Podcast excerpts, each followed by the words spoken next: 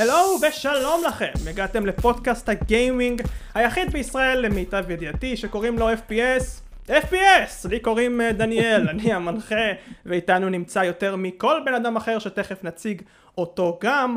אורח נוסף, אין מה לעשות, אנחנו מציגים את האורחים קודם ונותנים להם את הכבוד כשצריך מדובר בבן אדם שכל מי שאפילו שמע קצת לערוץ שלו, לערוץ היוטיוב שנקרא שלו ושל אחיו Limited Edition, יודע שהבחור לא רק משקיע בצורה מטורפת בתוכן שלו, הוא גם מדבר מהלב והמוח, שזה בנוגע לשוק הגיימינג העמוס שלנו, מהגיימרים הבאמת איכותיים בגזרה שלנו. מייקי, תודה. שלומך היום? עם, אה, עם, עם התחלה כזו, איך אפשר להמשיך מפה, אני לא יודע.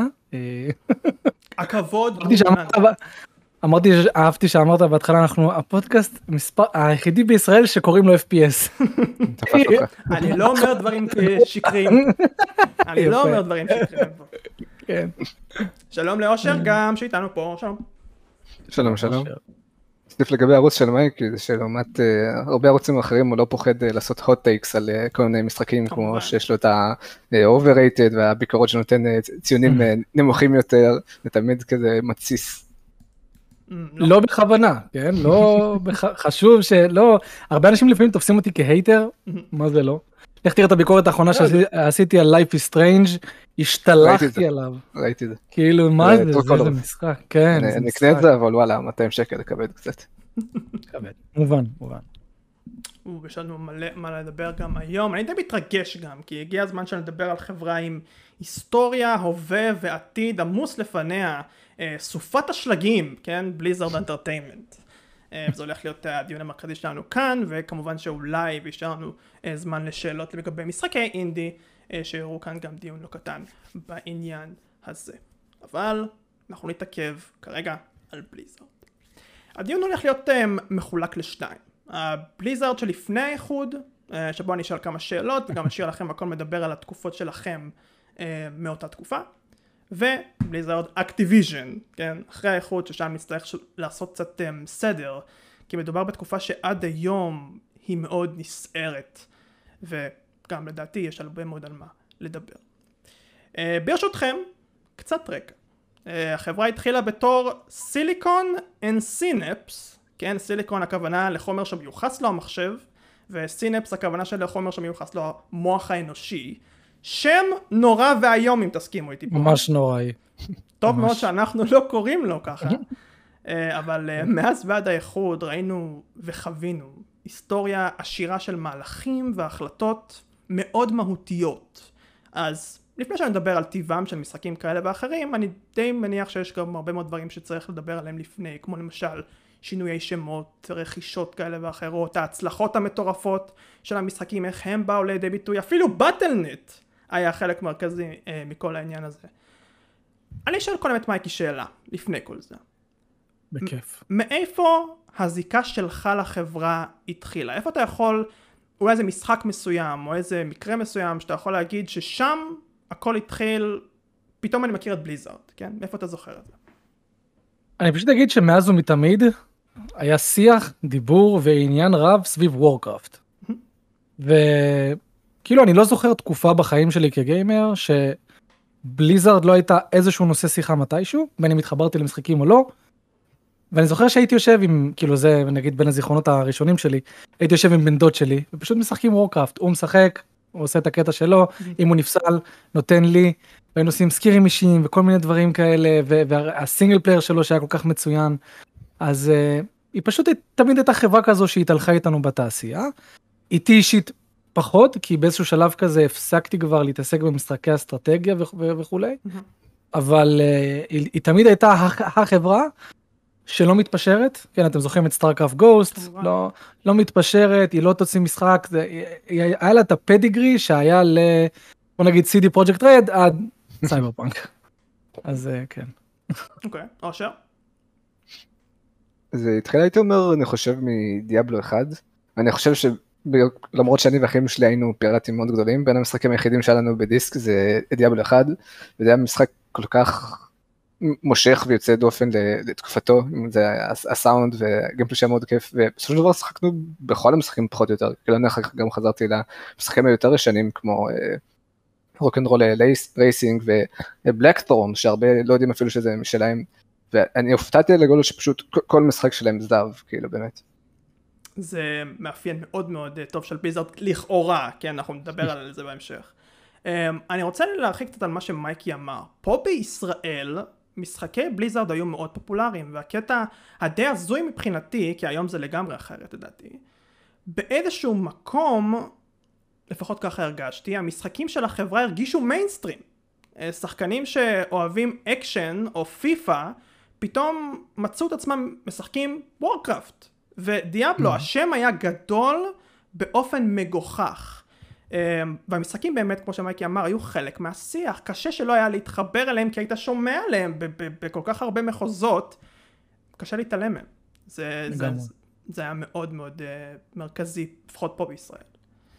Um, אושר, אתה רצית להרחיב קצת בנוגע להיסטוריה של בליזארד, שנראה לך שחשוב לציין, אז אני נותן לך את הבמה כן. פה.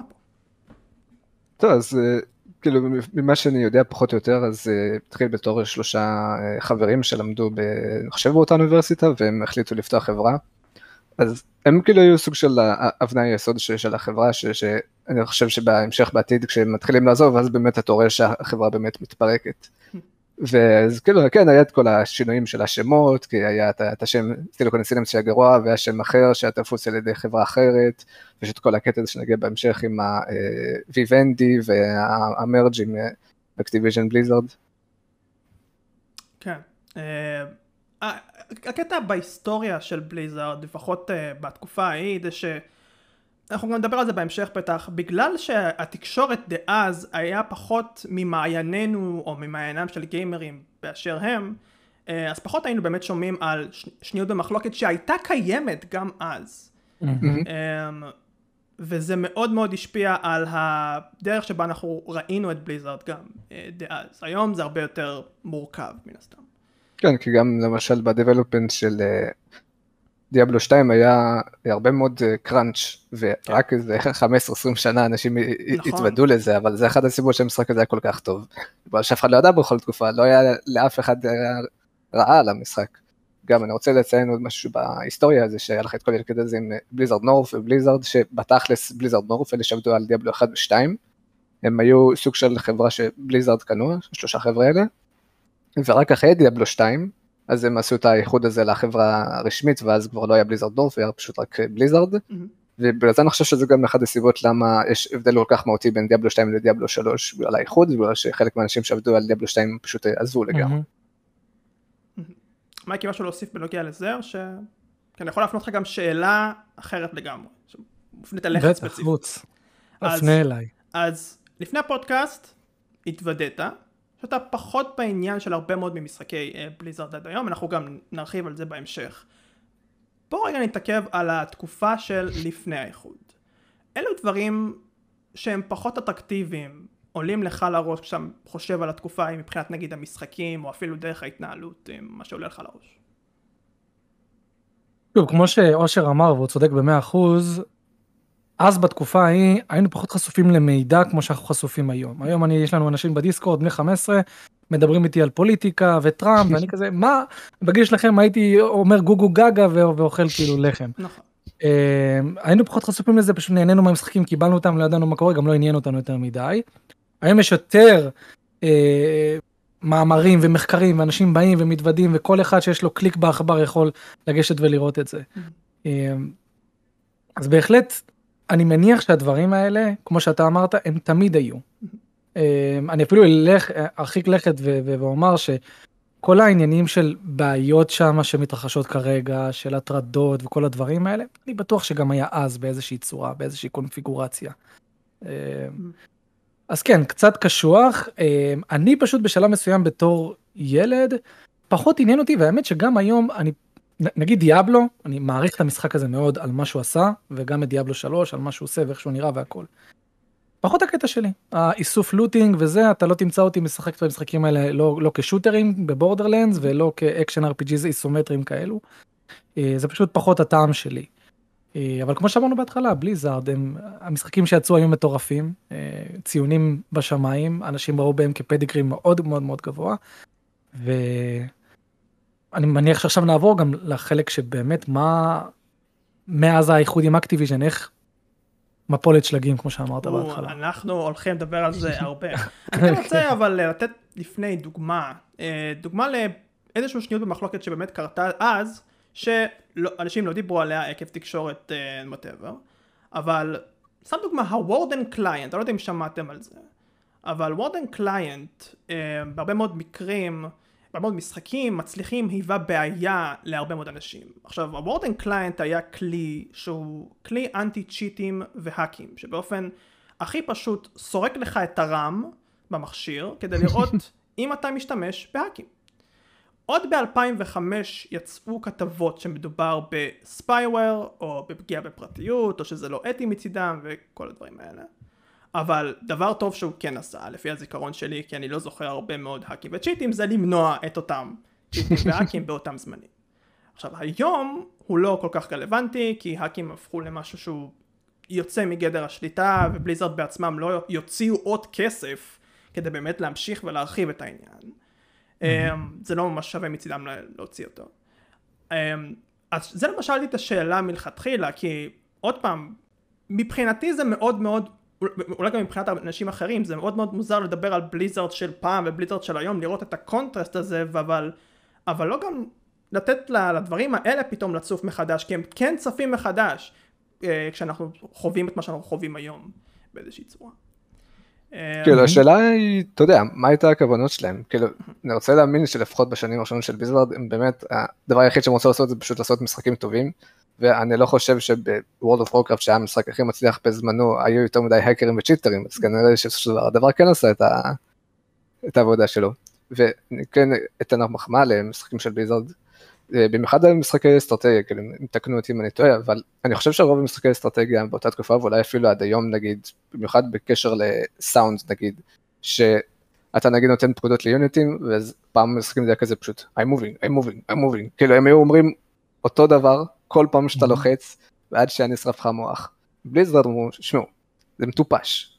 אתה אומר למישהו לעשות משהו, הוא אומר לך פעם אחת, זה פעם אחת משהו אחר, פעם שנייה הוא, לא, הוא לא אומר כלום, כי הוא הבין מה הוא צריך לעשות, וזה היה כל כך מרענן לראות כאילו משחקים אופי. שבאמת, אה, כן, לוקחים אה, כאילו גם את האופי של הדמויות וגם סאונד במשחקים בצורה כל כך רצינית, שעד היום הסאונדים והמוזיקה והדמויות שעושות את הסאונדים האלה הם כל כך אייקונים עד היום. כאילו וורקראפט יצא ב-1900 ומשהו, זה המשחק הראשון בין הראשונים שלהם, עד היום הדמויות של וורקראפט רלוונטיות. לגמרי נכון. אה, אז אנחנו עדיין לא באיחוד, יש עוד טיפה להתעכב, נדבר על האיחוד כן. מלא. אני אה, לומד פה הרבה. מעולה. אה, נדבר קצת על המשחקים. המשחקים עצמם קלאסיים, חפורים מדי, כן. הרבה מאוד דובר כאן, אני לא רוצה כל כך להתעכב עליהם. בכל מקרה, אני רוצה, ואולי אפילו אתם יכולים uh, לא להסכים איתי בעניין, אבל להגיד משהו לגבי משחקי בליזארד um, דאז. באותה תקופה ש... שאנחנו מכירים את המשחקים האלה לעולם טוב טוב, יש משהו שמייחד את המשחקים האלה, שאני קורא להם לפחות אלמנט מסוים שנקרא show and tell. בוורקראפט, למשל, במשחק השני, החברה לקחה על עצמה להרחיב את כל עניין הלור בסדרה. ולשלב יותר טוב את מה שקורה בגיימפליי עם הסיפור. אבל לאו דווקא היית חייב להתעניין. זאת אומרת, היית יכול ללחוץ כפתור אחד, היית יכול ישר לעבור לסנריו ולעבור את המשחק כאילו כמעט ואין סיפור. במשחק השלישי זה כבר קצת השתנה. פתאום אנחנו שומעים אה, משפטים באמצע הקרב שמתארים את האישיות וההסברים שלהם, פתאום יש אין גיים קאט סינס שעוד פעם אפשר להעביר אבל בגלל שיש show and tell, בגלל שאנחנו פתאום רואים דברים, פתאום, פתאום הסיפור נהיה מורכב בצורה לא הגיונית, יש יותר חיבור, יש יותר סיבות להתחבר לסיפור הזה. אז גם אם הלור מסובך, יש לנו את ה... היי, ארטס מגניב, אז כן, אז כאילו, כן. הולכים לשם. תקן אותי גם אם אני טועה, אבל לפחות לאותה תקופה הסינמטיות הייתה מטורפת למשחקים האלה, לא? לגמרי. כאילו, את הקאצינס והמצלמה בתלת מימד, אותו דבר לגבי דיאבלו 2. נכון. כאילו, יש לך את הקאנסיט אחרי כל האקט, וכזה אפיל, ולהבות, ומלאכים, ובלאגנים. נכון, אבל הנה, הנה נגיד פרט אחד שאני חושב שהוא פחות uh, שמים לב אליו, וזה מצחיק, כי אני חושב שהכי שמים לב אליו, אבל פחות מדברים עליו. המשיכה הזאת ללור, לסיפור, למה שאפילו קורה אצלנו במסך, זה משהו שנעשה הרבה יותר טוב לדעתי במשחקים של פעם מאשר יותר, משחקים יותר מודרניים. אפילו בשלוש היה קצת הבעיה הזאת, ואנשים אני חושב קצת... אה, הנה, הנה נגיד דוגמה למה אני מתכוון. בדיאבלו 2, הרבה מאוד סיפור קרה שם, ואתה סוג של חווה עולמות שונות, עם יצורים שונים שיעני הם natives לעולם ו whatever. זה הרגיש הרבה יותר טבעי מאשר נגיד שלוש, שהרבה מאוד מקומות אולי נראו טיפה יותר מדי אותו דבר, והרבה מאוד החלטות שקשורות ל gameplay ופחות התרכזות על lore whatever. זה, כל, כל זה השתנה, כן? בסטארקראפט אנחנו רואים את זה עד היום, אה, וזה משהו שהחברה לדעתי לפחות עשתה הרבה יותר טוב דאז מאשר היום.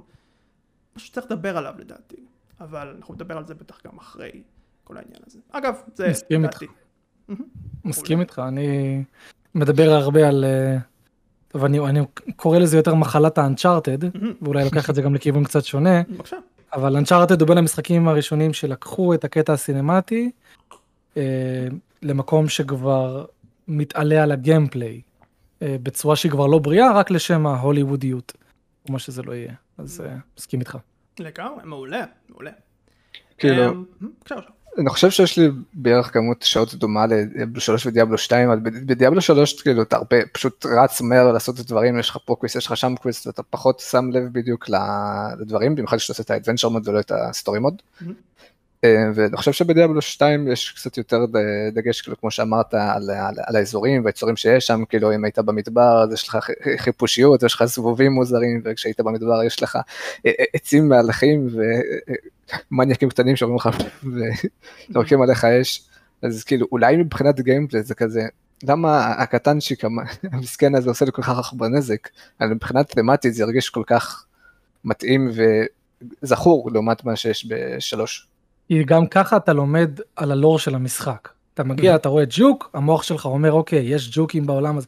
המשחק נותן דרך המשחק לבנות לך את העלילה, וזה משהו שכמו שהוא אמר, זה משהו שבאמת היה יותר פרומיננט במשחקים אה, של פעם לדעתי. כן, כן, כן, אני נגד בתור ילד לא, לא כזה אכפת לי סיפור, וכאילו האנגלית שלי לא הייתה 200, כן. ואני עדיין הבנתי הרבה מאוד מהלור כאילו של המשחקים האלה. מטורף, מטורף. מדהים מה שהם עשו שם אה, באותה תקופה. אמ, אנחנו נדבר כרגע על האיחוד. אם יש משהו שמייצג לי את האיחוד, לפני שאני אפילו מדבר עליו ועל ההיסטוריה והכל, זה באטלנט. למה אני אומר את זה? כי באטלנט אה, דאז שוחררה כשירות matchmaking, כולנו מכירים את אה, לפחות קונספט, את הקונספט של באטלנט, פשוט נכנסים, זה אפשר הרבה מאוד דברים במולטיפלייר, אה, זה גם היה יחסית אמין. היום, ואני מצטט, היא פלטפורמה שמנהלת זכויות דיגיטליות ובנוסף מפיצה וחנות דיגיטלית ורשת חברתית מבית היוצר של בליזרד. מדובר פה, ואנחנו גם נדבר על זה אולי, בהתנהגות אה, תאגידית די טבעית, אולי אפילו... טיפוסית. לש... נכון. אה, אבל יכול להיות שיש כאן בעייתיות. אז עכשיו אנחנו מגיעים ל meat and potatoes האיכות. אז אקטיביז'ן ראתה את וואו ואמרה אין לנו כסף והם עושים טונה בואו נעשה משהו ביחד. אה, ויוונדי הסכימה אך ורק בגלל שהיא תמשוך ברוב החוטים ובנוגע להחלטות המרכזיות וקיבלנו את מה שקיבלנו היום. אה, אבל מאז יותר מדי דברים קרו שעליהם נדבר עכשיו, כן? משחקים חדשים יצאו בז'אנרים אחרים לגמרי, אה, שנויות במחלוקת, בין אם זה בתביעות על כסף, או תביעות על אה, הטרדות מיניות, אה, כל העניין עם סין, whatever. כן עכשיו. כן, אני רוצה להתייחס למה שאמרת, כאילו למיטב הבנתי זה, היה את כל הקטע הזה של holder groups, כאילו ה Blizzard בהתחלה היו נשלטים על ידי Vivendi, נכון. ולפני זה על ידי זה Davidson וכאלה, נכון. אז לפי מה שהבנתי, ה Vivendi שהיו אחראים על Blizzard, הם היו בקשיים, ואז Activision שפנו אליהם, שמעו, אני שומע שאתם צריכים כסף, ולכן הם uh, קנו אותם, בשביל כאילו להתקרב יותר ל-MMO, כי Activision היו עושים בעיקר משחקי אקשן, ולא לא ידעו כל כך בתחום הזה, וגם בגלל הקטע עם, עם, אה, עם סין, וש... אה, World of Warcraft התחיל להתפר... להתפרסם שם והיה להם אפילו מפיץ רשמי שלהם בסין ו Activision ראו את זה ואמרו יש שוק די גדול בסין בוא נראה מה אפשר לעשות עם זה. ומה שמוזר לי זה שהרי אם זה Blizzard שהתחילו להתחיל לעניין עם זה עם סין, מוזר לי שהרבה מאוד היום אנשים אומרים, אה, זה אשמת Activision שעשו להם corrupt עם כל ה shareholders הסינים, אבל בתכלס זה משהו ש Blizzard התחילו, לא? Mm, אוקיי, okay. זה משהו שנתון לגמרי לדיון, uh, אתם מוזמנים גם להתדיין אצלנו uh, בתגובות שם. אני אשאל את מייקי שאלה שסוג של מסכם את כל מה שאמרתי ותפנה אותנו לאיחוד ישר. דעתך על המשפט הבא, אני אומר משפט, תגיד את דעתך עליו, תגיד אם אתה מסכים איתו, לא מסכים איתו וכדומה. בליזארד מתנהגת יותר ויותר כמו תאגיד, שבאופן טבעי זה אולי הגיוני, בהתחשב לכל מיני פקטורים, אבל היום אפשר להגיד שהעניין יצא מכלל שליטה, משפט ארוך, דעתך. ברור, אתה כרגע תיארת לא רק את בליזארד, תיארת גם את מה שקרה עם EA, אה, תיארת גם קצת את יוביסופט. מה שקרה בסופו של דבר זה שברגע שהאינטרנט נכנס לגיימינג, האינטרנט תמיד היה בגיימינג, אבל ברגע שהאינטרנט נכנס גם לקונסולות בגיימינג ואפשר לחברות להגיד אני מפסיקה לעשות, כי פעם הם פשוט היו עוברים ממשחק single player אחד לשני. היום הם עוברים מאיך אה, לייצר משחק שהוא פלטפורמה ולא רק משחק כדי שיהיה מקור הכנסה קבוע. זה למה GTA Online בגללו לא קיבלנו DLC ל-GTA 5 כי אין צורך. אם יש לך הכנסה גבוהה מ- GTA Online למה שאתה... אז היום כל חברה מחפשת את, ה live service שלה את הכמה שיותר אתה יודע מינימום השקעה מקסימום תוצאה. אה, והיום זה, זה, הם פשוט הגיעו לרמות כאלה מטורפות של בגלל World of Warcraft ומה שהם רואים שהם יכולים לעשות, שזה כבר התחיל לעלות לראש, וזה התחיל לה, להגיע לרמות מטורפות של הטרדות מיניות וכאלה, שאיך אומרים תודה לאל, התפוצץ להם בפנים. אז אוקיי, מסכים איתך במיליון אחוז. אוקיי, אושר? כן, אני חייב, כאילו זה לא בדיוק הנקודה שאני חשבתי עליה, אבל אני חייב להסכים לגמרי עם אה, מייקי, אני חושב שאם דיברנו על זה שהיה קראנץ' ושלדעתי גם ה, אה, שלושת החבר'ה המרכזיים הם נתנו את הגז, נתנו את הגז, ועם הזמן הם אה, שחררו ממנו, ניסו זקנים יותר, והחברה גדלה, והם ראו את ההכנסות מ-World of Warcraft, ובהמשך גם את ההכנסות מארפסטון, והבינו שטוב, אולי אנחנו לא צריכים להתאמץ כל כך הרבה בשביל לעשות כסף. ועכשיו הם כבר לא, לא יודעים לתת את המשחקים וכל ה-legal issues שיש איתם. כן, זה, זה דבר מאוד tricky כשחברה באמת מנסה להתנהג בתור תאגיד שעוד פעם, אפשר להבין, אבל עד איזה גבול זה מגיע, זה באמת כל השאלה. כי אפשר אולי להצביע על כמה חברות שאולי לא עולות לי עכשיו לראש ולהגיד, אומנם הם מתנהגים כמו תאגיד, אבל דברים טובים נעשים פה. יש כאן דברים טובים שהם סוג של עושים נגייט להרבה מאוד דברים רעים שנעשים שם, אז נכון. אפשר, אפשר לקחת את הטוב ברע פה. אבל כשזה הולך איפה שזה הולך בנוגע לבליזארד, אז זה מייצר הרבה יותר מדי תהיות ושאלות, ואפילו קצת אה, כעס שצריך. אמ, אבל, אני מניח שגם יש דברים טובים שבליזרד עשתה מאז האיחוד ועד היום, או שאולי דברים שאתה חושב שהם עשו טוב וכדאי להגיד אותם פה? יש הרבה דברים, בסופו של דבר הם הוציאו הרבה משחקים מאז, אם זה StarCraft 2, שזה משחק ה-RTS אולי הכי e-sport י שיש, ועד היום יש תחרויות ומשחקים, ואנשים שמשחקים ככה, וזה מה שמגדיר גיימר, וכמובן יש את Diablo 3, שאומנם הוא לא היה משחק כזה אהוב כמו Diablo 2, אבל זה עדיין משחק מאוד טוב, שעד היום משחקים אותו, ועדיין יש משחקי אקשן RPG אחרים שלוקחים השראה גם ממנו. יש את Hearthstone, uh, שלדעתי הוא לא משחק כזה innovative, אבל עדיין uh, משחק הכיף, שעד היום משתמש בדמיות של Warcraft, כמו שהזכרתי קודם. יש את המשחק האהוב עליי, Heroes of the Storm, שמשלב את כל העולמות האלה לכל המעריצי Blizzard, ולדעתי האישית הוא ה MOBA הכי כיפית והכי שאשכרה מייצגת מה זה MOBA ולא אני אשחק הכי טוב אז אני אסחיב את הקבוצה. ויש כמובן את Overwatch שיצר הייפ ענק שהיה סוג של לא, לא יודע בדיוק למה להשוות אותו כי זה, זה, זה לא Counter Strike וזה לא בדיוק Team Fortress זה, זה, זה קצת מהכול זה, זה role playing ביחד עם shooter ומשחק מאוד נגיש מאוד כיפי ולצערנו נראה שהוא לא הולך אה, בדיוק אה, להמשיך כמו שצריך, כאילו, אה, אמור לצאת Overwatch 2, ואני אומר 2 במרכאות, כי קשה להכריז את זה 2 ולא בתור Overwatch DLC, אז סבבה עשיתם מנוע חדש, אבל מה, דמויות, דברים כאלה, איפה, כאילו הם מוצאים דמות נראה לי פעם באיזה שלוש חודשים או משהו כזה, אם בכלל, אני לא יודע. Mm-hmm. שאלה? מה, היה, היה, היה מקרה דומה עם Left 4 Dead, לא לשכוח. נכון. Left 4 Dead אחד שהוא יצא, אנשים התלהבו, ואז כש Valve הכריזו על 2 איך אתם מעזים וזה אשכרה אנשים הלכו למשרדים של Valve והפגינו בחוץ תפסיקו מה אתם עושים עד היום כולם זוכרים את את Left 4 Dead 2 כמשחק ה zombie shooter הכי טוב בכל הזמנים. אפשר לתת להם את הנאת הספק אבל אני לגמרי מסכים עם הדברים שאמרת כי כן Hearthstone שהוא חינמי ו Overwatch שבכלל עולה הרבה כסף הם בנו הם עדיין בונים קהילות וגם World of Warcraft שממשיכים לפמפם לו תכנים ויש לי חברים שמשחקים ועדיין נהנים מהרחבות משחק מ2004 שעדיין מתחזק את עצמו. יש להם איזושהי ליבה שבה הם יודעים מה הם עושים ואי אפשר להתכחש לזה. אני רוצה טיפה להתעכב על Overwatch ואני אשאל אותך מייקי. Um, בתור בן אדם שפחות, uh, אני אומנם מכיר את Overwatch מאוד מאוד טוב, יודע מה הולך שם. גם אני. um, אבל, אני, אבל אני יותר, אני, סליחה, אני פחות, um, פחות מכיר את כל העניין של ההילה המטורפת סביב המשחק הזה כשהוא יצא ואת ההתפתחות מאחורי כל העניין הזה. מה בנוגע ל-Overwatch משך כל כך הרבה אנשים והפך אותו למפלצת? וואו, זו שאלה פנטסטית שאני לא בטוח שאני יכול אפילו להתקרב ללהבין אותה. Mm-hmm. אני חושב שזה שילוב גם של השם בליזארד, שזה אין מה לעשות אז באותה תקופה עדיין היה סופר חזק. אה, גם השילוב המובאי שיש לו, כי הבנתי שיש לו גם אלמנטים מאוד חזקים של מובה, וגם האופי שלו. אני זוכר שראיתי את הטריילר הראשון של Overwatch, לא ידעתי אפילו על מה אני מסתכל, זה היה בעיקר CGI trailer, אבל היה מדהים. אנשים קופצים ויורים, הרגשתי כאילו אני באיזה עולם של דיסני כזה עם יריות.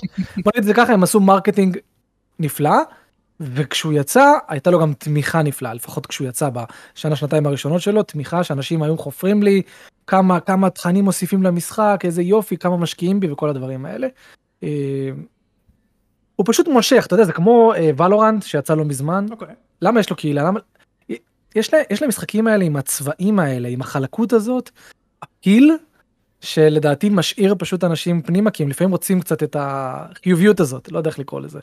אה, זה סוג של Valorant זה סוג של הייתי אומר Counter Strike אבל עם הרבה יותר אישיות כי ב Counter Strike אה, יש לך טרוריסטים אה counter טרוריסטים אה זה מאוד פשוט וזה אבל פתאום שיש לך דמויות ויש לך skill הרבה כן. יותר אה, צבע ואופי למשחק זה גם הרבה יותר כיף לצפות בזה אני לא יודע אנשים כאילו כל הזמן חופרים לי על CSGO וכאלה לפעמים הייתי נכנס ל stream פשוט רואה אותם כזה. עומדים בפינה מחכים מחכים יורים מישהו נגמר ה round זה, זה לא כיף לצפות זה לא כיף לצפות אף אחד לא זה לא כיף לצפייה אבל מי שמכיר Counter Strike מבין את המניירות הכי קטנות שקורות באותה שנייה שבן אדם מכוון את הנשק מסביב לדלת וכל הדברים האלה וזה מה שמרשים. ולורנט הוא פשוט הרבה יותר נגיש.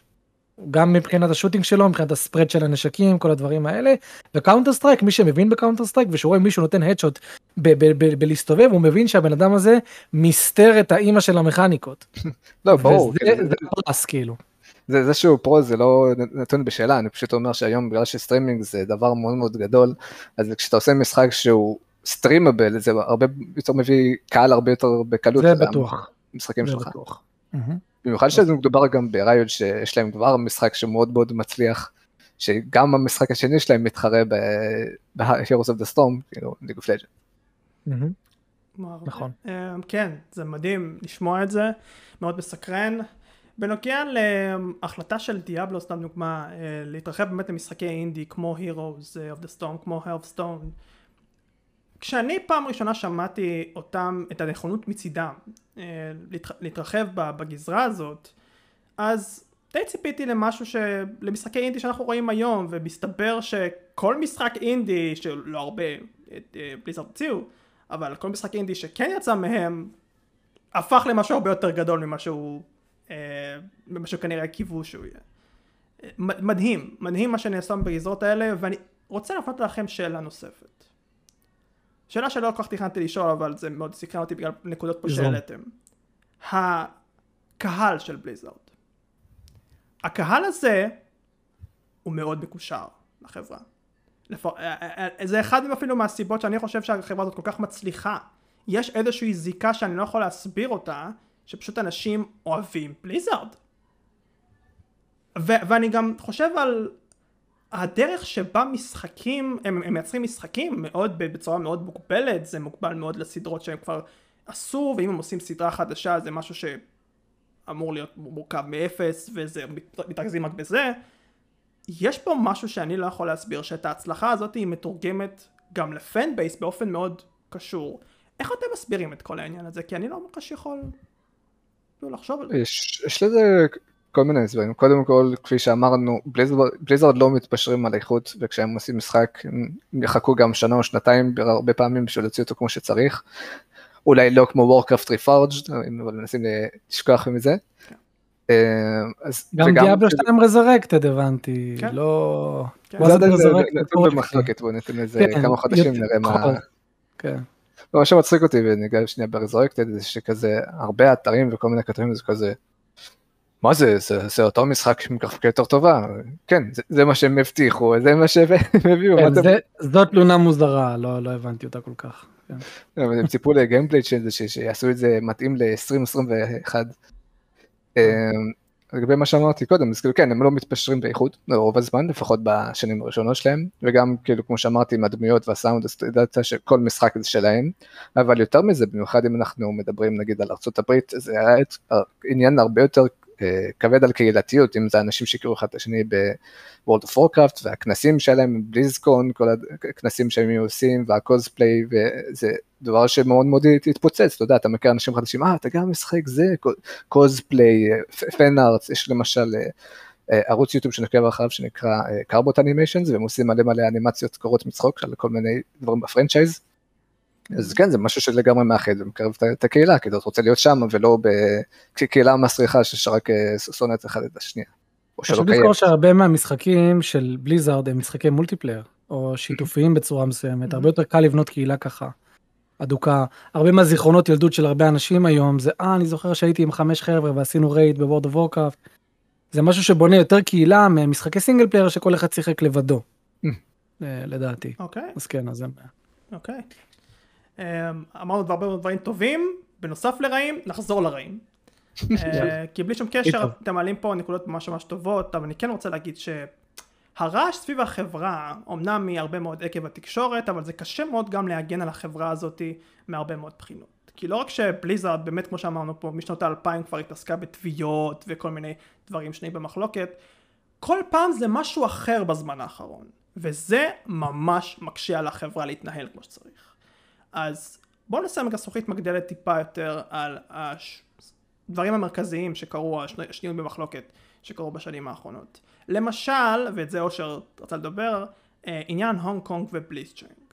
אז אני רק מזכיר, אותו שחקן Hearthstone שקיבל בן וקנס כספי, בנוסף לעוד כמה דברים שהוגבלו על הדרך עקב הבעת התמיכה שלו בהונג קונג אה, ובגזרה הפוליטית שקורית שם.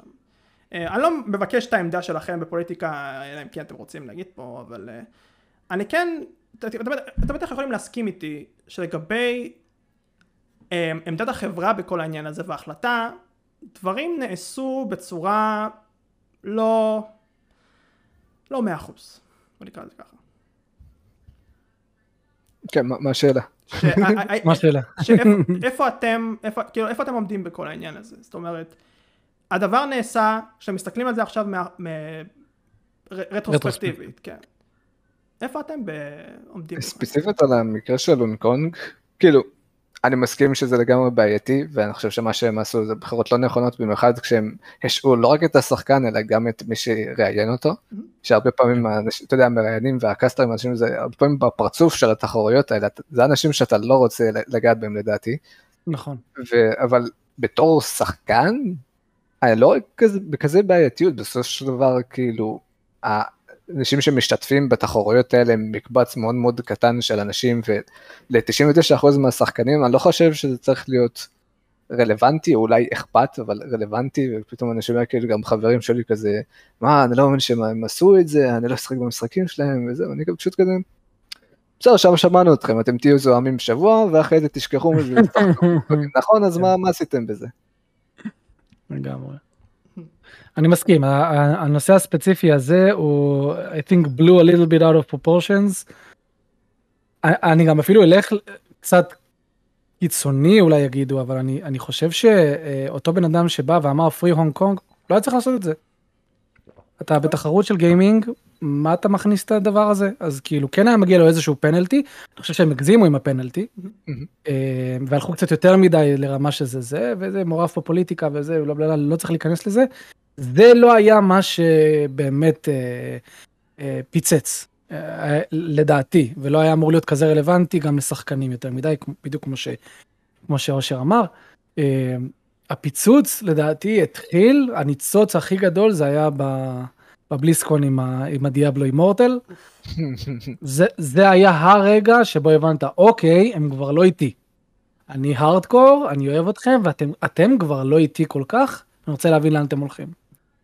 אז אה, זהו, זה מה שאני חושב. אנחנו נדבר אולי עכשיו על דיאבלו אימורטל, אה, אם זה... אפשר, בכיף. וואו, קודם כל העתיד בכלל של דיאבלו נמצא כרגע לוט בערפל בצורה לא הגיונית. בין אם זה דיאבלו 4 שכבר מליקט פוטאג' אנחנו יכולים לראות כבר בעיות אולי שאנשים יכולים פתאום לדסקס ביניהם לגבי המשחק ודיאבלו אימורטל שנדחה ונדחה ונדחה ולא יודעים מה קורה איתו למרות שהוא אמור לצאת שנה הבאה לדעתי אבל בסדר. Yeah. כן. Um, וואו, הסדרה שבעיקרון כביכול נראה שהיא הולכת למקום שאולי באמת עם דיאבלו 3 המשחק עבר את מה שהוא עבר אבל עם ההרחבה דברים פתאום נהיו טובים והרכישים נכון. הופסקו. עכשיו יש יותר כן. מדי רכשים. הסדרה הזאת אפשר... נמצאת אה, בסכנה אולי? מי שהספיק לזכור את ה live auction אה, שיצא עם דיאבלו 3 אם היה לך כסף, כאילו זה היה חנות כזאת מטומטמת, כי מצד אחד היה לך חפצים שממש טובים, והיית יכול, אני לא זוכר מה המחיר המקסימלי, נראה לי זה 150 יורו, כאילו איזשהו מחיר שאתה לא רוצה משחקן ממוצע להוציא על חפץ במשחק, אז הייתי כאילו ממש חזק, אבל מצד שני, בגלל שכל כך הרבה אנשים ניסו לעשות מזה כסף, אז כולם פשוט שמו חפצים, ואפילו אם היית משלם, כאילו, לא יודע, 10 אגורות, היית יכול לקבל, לקנות חפץ שהוא הרבה יותר טוב ממה שיש לך כרגע, ופשוט האיזון של המשחק יצא משליטה עד שהם... אמרו, טוב, בוא, בוא נעזוב קצת את הכסף, ונוריד את ה feature הזה. מייקי, למשל, שאתה חושב על דיאבלו, העתיד של דיאבלו לפי מה שאתה רואה, זה, זה, נראה, זה לא נראה טוב, או שכן? אני האמת שראיתי את הטריילרים האחרונים של דיאבלו 4, הוא היה נראה מרשים, okay. אוקיי. אבל trailers can only go so far, okay. נכון. בדיוק mm-hmm. יצאה כתבה שהחליפו להם את הבמאי, שזה okay. נכון. כבר משהו שתמיד, תמיד מרתיע ומטריד. אה, תשמע, לפעמים, מה זה לפעמים? אנחנו רואים את זה לאורך כל ההיסטוריה של, של, של קונסולות ושל גיימינג. חברות מגיעות לאיזושהי רמה של אגו מאוד גבוה, חוטפות כאפה, יורדות, אחרי זה עולות עוד פעם, צריכות לחטוף עוד כאפה. זה כמו פלייסטיישן 1, פלייסטיישן 2, 3, חוטפים כאפה, יורדים, 4, עכשיו לאט לאט הם צריכים לחטוף עוד פעם כאפה. כנ"ל נינטנדו, אני חושב שגם בליזארד ו CD Projekt Red חוטפים כרגע כאפות כאלה שגורמות להם להגיד אוקיי אנחנו חייבים לייצב את השם שלנו כי אין מה לעשות אפילו שהמיינסטרים הוא זה שבעצם קובע את ההכנסה הקבועה שלהם. המיעוט הקולני שזה אנחנו האנשים שנמצאים באינטרנט שכותבים וצועקים וזועמים אנחנו יכולים לגרום לשינויים גם באיך שמשקיעים מתייחסים אליהם. אחד הדברים הכי גדולים שקרו שלא הרבה מדברים עליהם זה שמעבר לזה שהיו גיימרים שטבעו את CD פרויקט רד היו משקיעים נכון. שתבעו את CD Projekt Red על סייבר פאנק. והדבר הזה לא הגיע מה, מה, מה, מה בוא נגיד כמה המשחק מכר, מכר בהתחלה 13 מיליון, הוא לא הגיע מה 10 מיליון, זה הגיע מה 3 מיליון יותר. אלה שישבו אפילו פחות, הרבה פחות, שישבו ודיברו. אז, אה, אז אני חושב שבליזארד חטפה סוג של כאפה, היא מתעוררת על עצמה, אה, לפחות בקטע של דיאבלו, כי מה שהיא עשתה עם דיאבלו אימורטל היה באמת מביך. אפילו לי, בתור מישהו שלא כזה מושקע בתוך דיאבלו וכל מה שקורה שם, כשראיתי את זה, גם, וגם כשראיתי את ה, את ה, באמת את התעוזה הכל כך יפה של השחקנים שהיו עם בליזרד מההתחלה, קם ואומר, סליחה, זו בדיחת אפריל, 1 באפריל מאוחרת, אתה מבין ש, שהם התעסקו עם, עם, עם האנשים הלא נכונים והם חייבים לעשות משהו אה, כדי לחפות על זה. לדעתי דיאבלו 4 בסופו של דבר יהיה משחק טוב. זה מה שאני חושב, יכול להיות שאני טועה. הוא יהיה משחק של מינימום 7, זה מה שאני חושב. ודיאבלו אימורטל, שוב, אני, אני, קשה לי לגשת לזה, כי בתור שחקן שהוא הארדקור, אני אומר, מה אכפת לי מזה? מצד שני, שוב, חברה עוד מחפשת לעשות את ההכנסות הגבוהות שלה איכשהו. אם זה לא משפיע לי על דיאבלו 4, אז לא כזה אכפת לי. כן, אני גם ארחיב עוד על אה, דיאבלו. אז כאילו הבעיה שהייתה הכי גדולה עם דיאבלו אימורטל קודם כל זה התיאום ציפיות, אתה יודע, כנס של בליזרד, אתה יודע שיש חדשות על דיאבלו, אתה מצפה כן. לשמוע את דיאבלו 4, הם באים לך במשחק לפלאפון. אף אחד לא היה בעיה כזאת רצינית עם דיאבלו אימורטל, אם זה היה בנוסף להכרזות בנוסף. דיאבלו 4, ופשוט זה היה כף על הפרצוף. Don't you guys have phone, זה כזה, משפט הכי... זו תשובה דבילית להגיד, יאללה.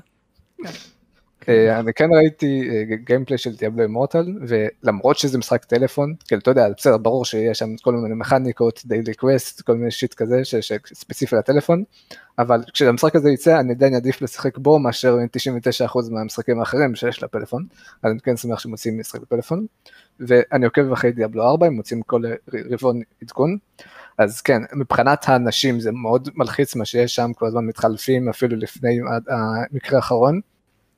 אני כן חושב שלפחות החבר'ה שכן יש שם, יש להם חזון מאוד טוב, הם מאוד מאוד מקושרים, מקושרים לקהילה, הם עושים שינויים בגיימפליים אם צריך.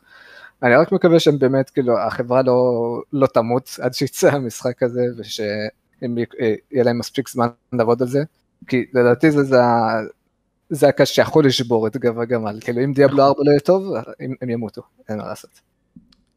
אני מסכים, אני גם רוצה טיפה להרחיב על זה, כי לא רק שהסדרות, לא משנה איזות אגב, של, אה, שאני יכול לחשוב עליהם, של בליזארד, נמצאים כרגע במצב מאוד מאוד שייקי, התקופה שבה החדשות המאוד שנויות במחלוקת יוצאות, יוצאות בטיימינג הכי גרוע. כן. למשל, כל העניין הזה עם הונג קונג ובליצצ'אנג, יצא בשיא אולי התקופה של שיח על סין. בכללי, היום יש לנו מלא מלא דיבור על השנוי במחלוקת שקורית שם ו whatever, אני לא רוצה להיכנס לזה, אבל העובדה היא שזה מתערבב עם זה, ופתאום קיבלנו את מה שקיבלנו. אותו דבר קורה עם כל החשיפה הענקית שקורית למשחקי וידאו עד היום. אז מן הסתם שידברו על דיאבלו 4 וירחיבו אותה מכל כיוון אפשרי רע וטוב, וזה ייצר את מה שזה ייצר. היום להרבה מאוד משחקים קשה לקבל את הטוב או את הרע שמגיע להם, כי אנחנו מקבלים עליהם כל כך הרבה מידע מכל כך הרבה מקורות שונים, זה גם מבלבל אנשים באיזושהי צורה. כאילו, אם, אם דיברת על אה, תזמון לא קל, אז כאילו גם כל העניין הזה עם ההטרדות וזה, זה בדיוק... לגמרי. ששמענו גם על הטרדות ביוביסופט, זה דבר חדש. כאילו, אתה תמיד כאילו מחטפים את המכה בפטיש בדיוק כשלא צריכים את זה, כאילו בדיוק עכשיו שעוד שנה שנתיים הולכים להוציא משחק שאמור להיות בומבסטי, אם זה Overwatch 2, אם זה דיאבלו 4, וזה בדיוק התקופת שפל של כל החברה, כשאתה מתחיל להיכנס למינוס, אתה אומר עוד קצת אנחנו נוציא משחק, עוד משחק, אנחנו נוציא משחק, בסוף אנחנו בטח, או, או שהם יפלו, או שהם יוצאו משחק שהוא לא, לא, לא גמור, כמו שאנחנו רואים עכשיו עם הרבה חברות שמוצאים. שימו לב, סליחה שאני קוטע אותך, שים לב שגם אקטיביז'ן סובלת מזה, שזה גם פן שאפשר לדבר עליו. חבר'ה, Call of Duty יוצא עוד מעט, וכמעט אף אחד לא מדבר עליו. ממש לא.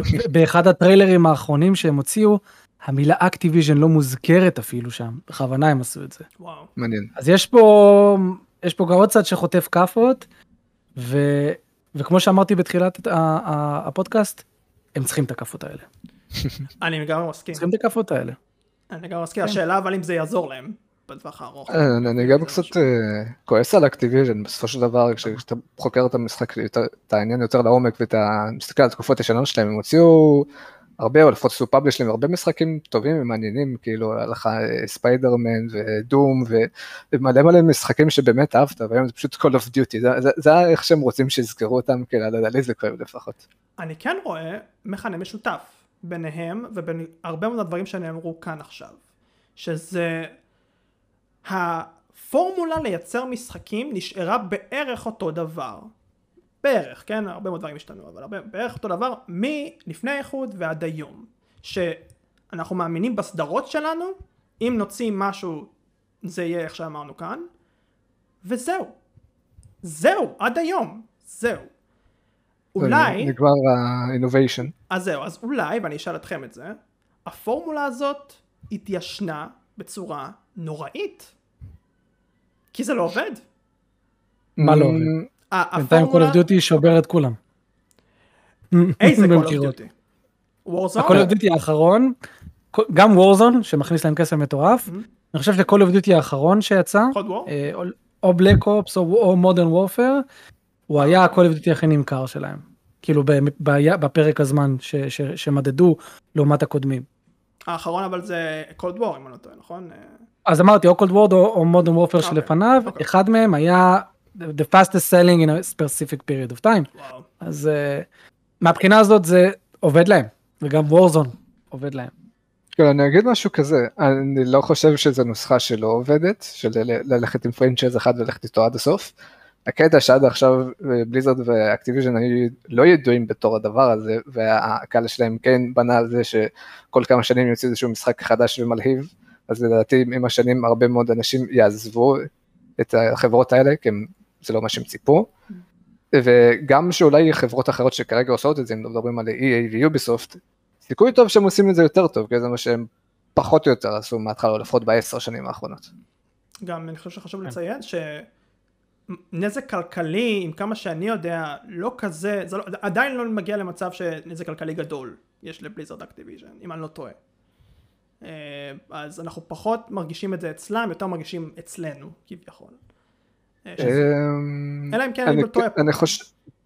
כאילו, אני לא חושב שהם מפרסמים כזה הרבה מספרים, אבל אני כמעט בטוח כן. שיש ירידה משמעותית בשחקנים, קודם כל, כאילו, בערך בכל משחק, כאילו, ב-Final Fantasy, ב-World of Warcraft, אנשים כבר לא, לא מתלהבים, כמו שאמרתי, הבחור שעושה את האנימציות, הוא הפסיק להוציא אנימציות על World of Warcraft, הוא צריך לעשות אנימציות על Final Fantasy, Overwatch יש לו את המתחרים שלו היום עם Valorant נכון, ואלף ואחת shooters אה, חדשים, Rogue Company וכל מיני משחקים כאלה. אה, Heroes of the Storm, ה-esport שלו מת, ועל המשחק היום הם מוצאים עדכון פעם בכמה חודשים, כאילו בכל התחומים בבליזארד אתה רואה את הירידה בפיתוח וכן, אז אתה יודע, בגלל שהם מכניסים פחות כסף. אנחנו פה דיברנו הרבה על בליזארד ונראה לי עשינו לו כבוד ולא כבוד אה, כשצריך. Disservice. כן. אה, יש לנו טיפה זמן לשאלות בכללי, אנחנו נדבר טיפה על משחקי אינדי ומצבם. אה, שזה הולך להיות אה, מאוד מעניין, ואני דווקא אתחיל עם אושר. אה, אתה אמרת לי לפני הפודקאסט לגבי טרנד הנוסטלגיה והחזרה לרטרו. אני רוצה שתסביר נכון. קצת על זה ועל איך זה בא לידי ביטוי לאנשים אולי שלא יודעים. כאילו, אני לא יודע בדיוק למה זה, הטרנד הזה קיים, כן, בכל זאת, זה, זה, זה טרנד זה לא תמיד מובן, אבל בזכות הטרנד הזה שאנשים חוזרים לרטרו ואוהבים אה, pixel art ומשחקי platformer זה פשוטים או action RPGs שלדעתי היום זה שוק שיש לו עתיד מאוד טוב. אז זה נותן להרבה מפתחים אינדי לעשות משחקים יחסית פשוטים או שיחסית קלים להכנה במקום לעשות משחק אה, ב-Unreal Engine בתלת מימד עם מלא סאונד ודמויות ראשיות. אז זה אה, נותן לעשות משחקים שהם עדיין כיפים ועדיין שיש להם קהל. ולדעתי זה, זה הסוד כביכול של השוק האינדי. מייקי, יש לך משהו להרחיב על זה? כן, אני חושב שלגמרי הקטע של החזרה לרטרו נובע משתי סיבות עיקריות, לדעתי האישית בלבד. גם כי זה מנגן לאנשים על מיתרי הנוסטלגיה, וזה חלק מהקהל שחברות אינדי מכוונות אליו, וגם כי זה זול לייצור, בוא נודה את זה. אה, הגיוני גם שחברת אינדי באמת מבחינה הגיונית תנסה כמה שיותר uh, למזער את ההוצאות על עכשיו גרפיקות מטורפות וזה. וזה עובד, וברגע שאנשים ראו שזה עובד, אז הם הצטרפו, ואנחנו עדיין שם. קונים את המשחקי אורי, קונים את משחקי מטרואידבניה, קונים את הדברים האלה. Uh, הם מחזירים אותנו, אותי לפחות, לתקופות שבאמת משחק היה יוצא, והיה לו התחלה, אמצע וסוף מוגדרים. Uh, המשחק לא ניסה לשאוב לי את כל החיים בשום צורה, הוא אמר הנה אני, אני 8 עד 10 שעות של משחק, תהנה. ואני חושב שאנחנו צריכים את זה בצורה נואשת mm-hmm. אפילו. עד היום לדעתך אנחנו צריכים את זה או שאתה רואה... עד היום. Mm-hmm. אני אגיד לך למה אני שואל את זה. אני אגיד לך למה אני שואל את זה כי mm-hmm. היום אנחנו רואים הרבה מאוד פיתוח בעניין הזה של פיתוח המשחקים האלה זאת אומרת הנגישות הפיתוח אה, זה משהו שהרבה יותר מקובל, מקובל אה, בעשר שנים האחרונות לדעתי אה, הרבה מאוד חברות פתאום יוצאות לאור ואנחנו שומעים על הרבה מאוד משחקים ויש סטורציה וכדומה אז שוק האינדי באמת פורח לדעתי לפחות זה מייצר מצב של זה אולי תופעת לוואי אפשר לקרוא לזה זה לא דווקא בעיה אבל היום אולי יש אפילו בגלל שיש יותר מדי משחקים אנחנו מפספסים פה הרבה מאוד gems או מפספסים הרבה ברור. מאוד כן ברור. זה, באיזשהו מקום זה גם בעיה. אמ, לגמרי תרבות השפע אה, יצרה לי את ה-backlog וחיסלה לי את הפיקוס ככה אני אומר פעם אתה יודע היינו מקבלים משחק מההורים שלנו שעלה להם איזה 300 שקל, וגם אם הוא לא היה כזה טוב, זה מה שהיה לנו. היינו מפוקסים עליו, לא היה לנו מלא פיתויים של Humble Bundle ו-Fanatical נכון. ו-bundle פה ו-bundle ש... לא היה את התרבות שפע הזאת, שלכאורה היא טובה, כי שפע זה טוב, זה מה שאנשים חושבים, אבל בפועל היא גורמת לך בזמן שאתה משחק במשחק, כבר לחשוב על המשחק הבא שאתה רוצה לקנות ולשחק בו. נשאר מאוד מבולבל, וגם הסייד אפקט השני זה כמו שאתה אמרת, זה פוגע בהמון אה, משחקים אחרים שגם רוצים תשומת לב ולא מקבלים. אני כל חודש בערוץ שלי מסכם עשרה משחקים שיוצאים אה, באותו חודש, כבר במשך שנתיים, ואני רואה כל כך הרבה משחקים שגם אחרי זה בביקורות מקבלים ציונים טובים ואף אחד לא מדבר עליהם. פשוט mm-hmm. אף אחד לא מדבר עליהם, אף אחד לא מסתכל עליהם. עצוב, אבל אה, זה הסיטואציה כן. כרגע. אז כן, כאילו, אם פעם היה לך בעיקר משחקי triple A, אז אם היית משחק אינדי, היה לך הרבה יותר אה, סוג של חשיפה, או אנשים שכן מעניין אותם, היה לך פחות תחרות בשוק הזה. והיום זה הרבה יותר קשה, כי באמת הרבה מהחברות אינדי נותנים fight מטורף, כאילו אני לא מזמן עשיתי אה, סיקור על CrossCode, משחק אינדי, וכאילו הייתי בשוק כאילו גם מהקטע של משחק שעבדו עליו 10 שנים, שהוא מחיר של 70 שקל, או במבצע איזה 30 שקל, וכאילו מכמות אנשים שעבדו עליו, כאילו אני מסתכל בקרדיט, אני פשוט רואה את אותם שלוש אנשים כזה, הם היו גם ב-art, גם בסאונד, גם ב... כן, כן, בקרדיט. מכיר את זה. אני וארז גם יכולים לעשות במשחק הזה, נשקיע עשר שנים, כאילו זה, זה מטורף, כאילו ויש לך משחקים שכאילו יעלו עכשיו 150 שקל והם לא נותנים את אותו fight בכלל, אז כאילו מי שבאמת עושה את הסקר שלו תמיד ימצא משחק אינדי שעושה יותר בפחות מחיר. לגמרי. לגמרי. אגב, אושר דיבר על קרוס קוד בתור משחק שהוא שיחק לאחרונה. מייקי, איזה משחק אתה שיחקת לאחרונה שהוא משחק אינדי שאתה אולי אפילו ממליץ עליו, או מנגד לא? אינדי ששיחקתי לאחרונה, אפשר להגיד שזה The Forgotten City, אה, אם שמעתם על המשחק הזה. אה, הוא אמנם תלת מימדי מלא, הוא התחיל כמוד לסקיירים, אוקיי. אה, שנקרא The Forgotten City, שהוא קיבל כל כך הרבה שבחים, שהבן אדם פשוט לקח את עצמו ועוד שני חבר'ה ואמרו יאללה אנחנו עושים איזה משחק מלא. משחק שהוא מאוד מבוסס על החלטות, רואים את, ה, את המנוע הישן של סקיירים עובד בפול פורס רק עם כמה נגיעות גרפיות. Mm. אבל כאילו מה אתה רוצה שאני ארחיב עליו כאילו אין לי בעיה. אם אתה רוצה בבקשה. האמת שכן כי זה משחק מאוד מעניין חבל לי שאנשים יפספסו כי הוא גם לא עולה הרבה אני קניתי אותו ב-15 דולר במבצע מאמין שהוא 20-25 דולר. אה, בעצם אתם קמים באיזשהו נהר מגיעים לאיזשהו מקום איזה אישה אחת אומרת לכם לכו לשם אני צריכה ש... כאילו אתם יש לכם אמניזיה אתם לא יודעים מה קרה היא אומרת לכם תיכנסו לשם ותדאגו גם להביא איתכם את איזשהו פלוני אלמוני אתם נכנסים, אתם רואים מין עיר כזאת הרוסה, ואז אתם קולטים שאתם נכנסתם תת-קרקעית לעיר שתקועה בעבר בזמן שלה, כאילו עשיתם ממש מעבר זמן, ונכנסתם לעיר רומית של שנות ה... לא יודע מה, בוא נגיד ימי הביניים. ואתם מתהלכים ואתם מתחילים לדבר עם אנשים ואתם קולטים שכל הקהילה הזאת שאתם כרגע נמצאים בה, שאף אחד לא יכול לצאת מהעיר הזאת, הם 20 פלוס אנשים, ואתם מתחילים לדבר עם אנשים ואתם קולטים שיש איזשהו חוק שהם חיים לפיו, שהם מתרברבים בו שנקרא The Golden Rule. מה זה The Golden Rule? ברגע שמישהו מבצע איזשהו חטא, איזשהו פשע, האלים מתעצבנים והורגים את כולם. וזה בעצם, וזה בעצם מה שגורם ל, ל, לעיר הזאת, הם טוענים לפחות, זה מה שגורם לעיר הזאת לתפקד כמו שצריך. כי אף אחד לא יעשה שום חטא או פשע, כשהוא יודע שזה יהרוג גם אותו וגם את כולם. וזה נכנס להמון שאלות ופילוסופיות עמוקות של בכלל מה זה חטא ומה זה טוב, ואתה כאילו רואה במשחק אנשים שהם הם לא עושים פשע אבל הם כאילו עושים פשע, הם עושים את זה בדרך אגב כדי שהאלים לא יכעסו, ואתה רואה כאילו איך האדם תמיד ימצא את הדרך להשיג, משחק מאוד מעניין, מבוסס בחירות כמובן, יש לו איזה כמה וכמה סופים, אתם צריכים לדבר עם אנשים וכו', שוב משחק שלא הרבה דיברו עליו, אבל לך לגיימספוט, קיבל תשע. אבל אף אחד לא שמע על The Forgotten City, אז uh, אמרתי, אני, אם אני כבר פה ושאלת, אז אני אפרגן לו. כמו שצריך, אתה עכשיו עשית לי חשק להוסיף אותו לרשימה ולשחק. לבקלוג שלא ייגמר. כן. נהדר, נהדר. אני ארחיב גם, למה לא על משחק ששיחקתי. כן.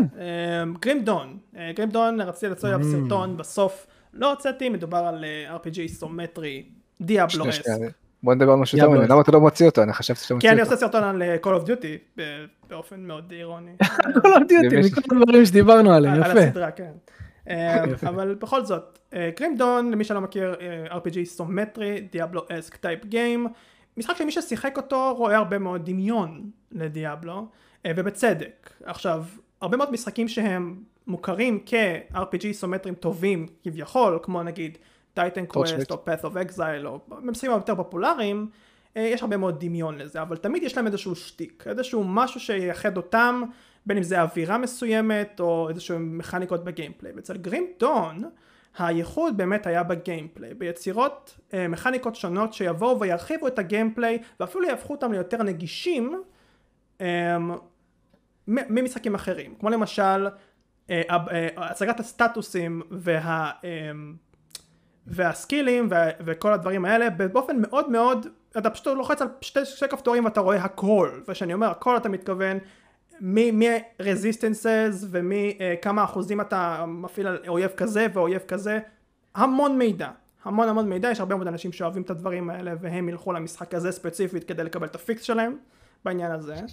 אמ, יש מכניקות אחרות של gameplay שהרחיבו יותר למשל כמו מכניקת ה-devotion שאלה shrine שאתה מוצא אה, במפות ובאזורים אתה סוג של עושה unlock לשריין בדרך כזו או אחרת והשריין אה, פשוט מרחיב לך את הסקילים בצורה מאוד מאוד דינמית כמו למשל אתה יכול להוסיף life leech אה, לסקילים שלך וזה יכול להתאים לאיזשהו בילד שאתה מנסה ליצור שזה באמת החוזק בגרימדון אתה מנסה ליצור בילד שלך מה שאתה אה, חושב שיכול להתאים לטייפ מסוים של בילד זה יכול לעבוד ואתה לא צריך להיכנס לבילדים כמו שאני לפחות uh, מכיר נגיד בדיאבלו 2 יש היום בילדים שהם הרבה יותר OP מאשר בילדים אחרים וכשאני mm-hmm. הייתי מודע מאוד לצד הזה של RPG איסומטרי מאוד ירד לי מדיאבלו 2 כי למה שאני אהיה אמזון אם אני יכול פתאום להיות ברבריאן פרנזי ופשוט כן. כן.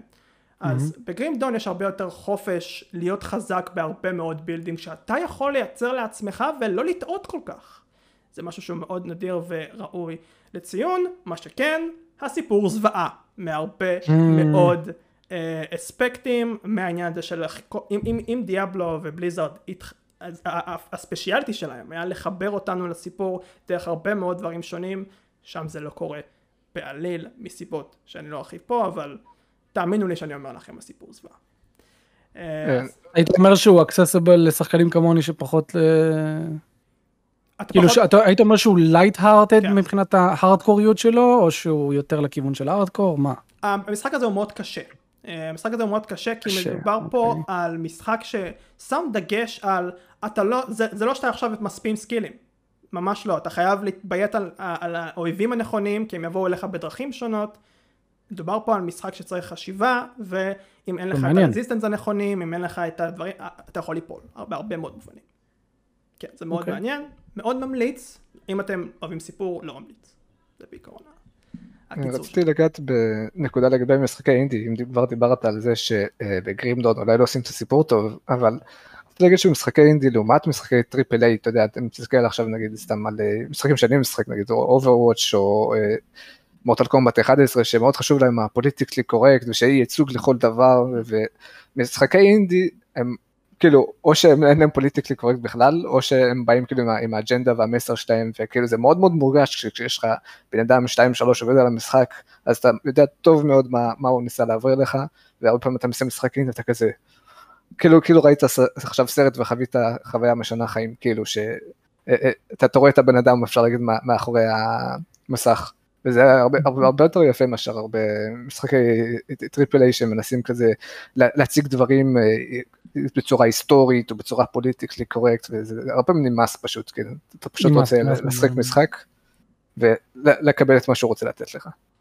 ויש כל כך הרבה דוגמאות שמשחקי אינדי יכולים לעשות פה שזה מיותר אפילו כן. לציין, כל מי ששיחק יודע על בדיוק למה אתה מתכוון. כן, אני אתן אפילו דוגמאות בולטות כמו Undertale ו Deltarune, ואולי גם משחקים כמו Stardew Valley, Terraria, כל מיני אה, משחקים כאלה. כן, ועוד דוגמה לי שאני לא מכיר. כן, כן, לגמרי לגמרי. אלא אם כן יש לנו משהו להוסיף בנוגע לבליזארד, בנוגע למשחקי אינדי שאנחנו לא אמרנו פה ואתם רוצים ככה להוסיף בקטנה, ככה להזכיר משהו, זה הזמן?